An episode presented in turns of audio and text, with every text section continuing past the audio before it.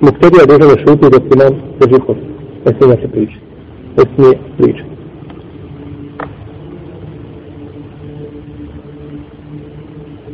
Kako je došlo u hadisu? Ako da kažeš svome prijatelju šuti petkom, da si počinio lagu, da većina ne smata da je to haram. Da je to haram. Znači, govorili smo ako neko priča i prisutni, eh, e, možemo ga ušutati kako? Ušutati. Ili kazati da šuti, znači pokretom, išaretom. Išaretom.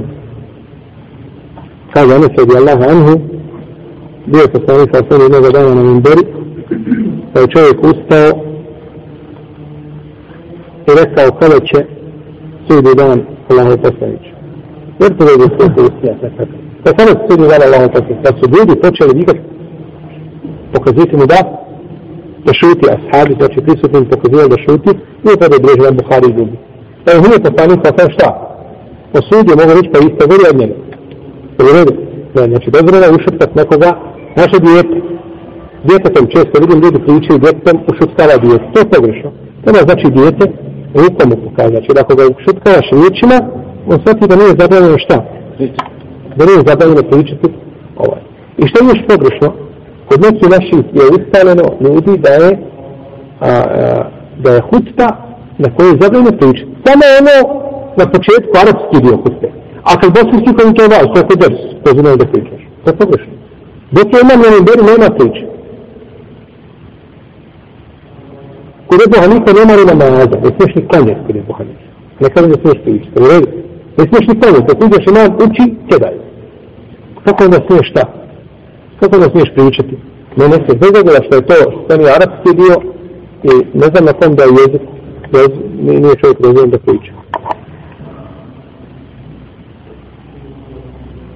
Isto tako, znači, selam ko te nazove, ne smiješ mu vratiti. Govorili smo samo, može se ovaj, rukovati, ruku pruži rukom i vratiti selam, a ne smiješ izgovarati ništa. Međutim, ako se ukaže potreba, smije se imamu izaći i razgovarati sa imamom.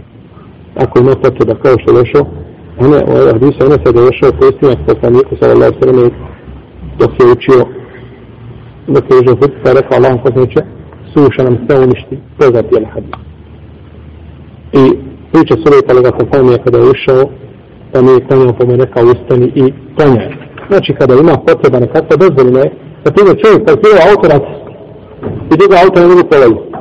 Ili postoji mogućnost da kada pojeći auto ili koje je kod intervencije ili sluša tome, to se normalno kažu, vlasnik auta, tog i tog i tog, da makne auto. I slično tome, znači sve što je za korist opće koji slijedi dozvoljeno je. Ali priča bez potrebe je, znači, pogrešna.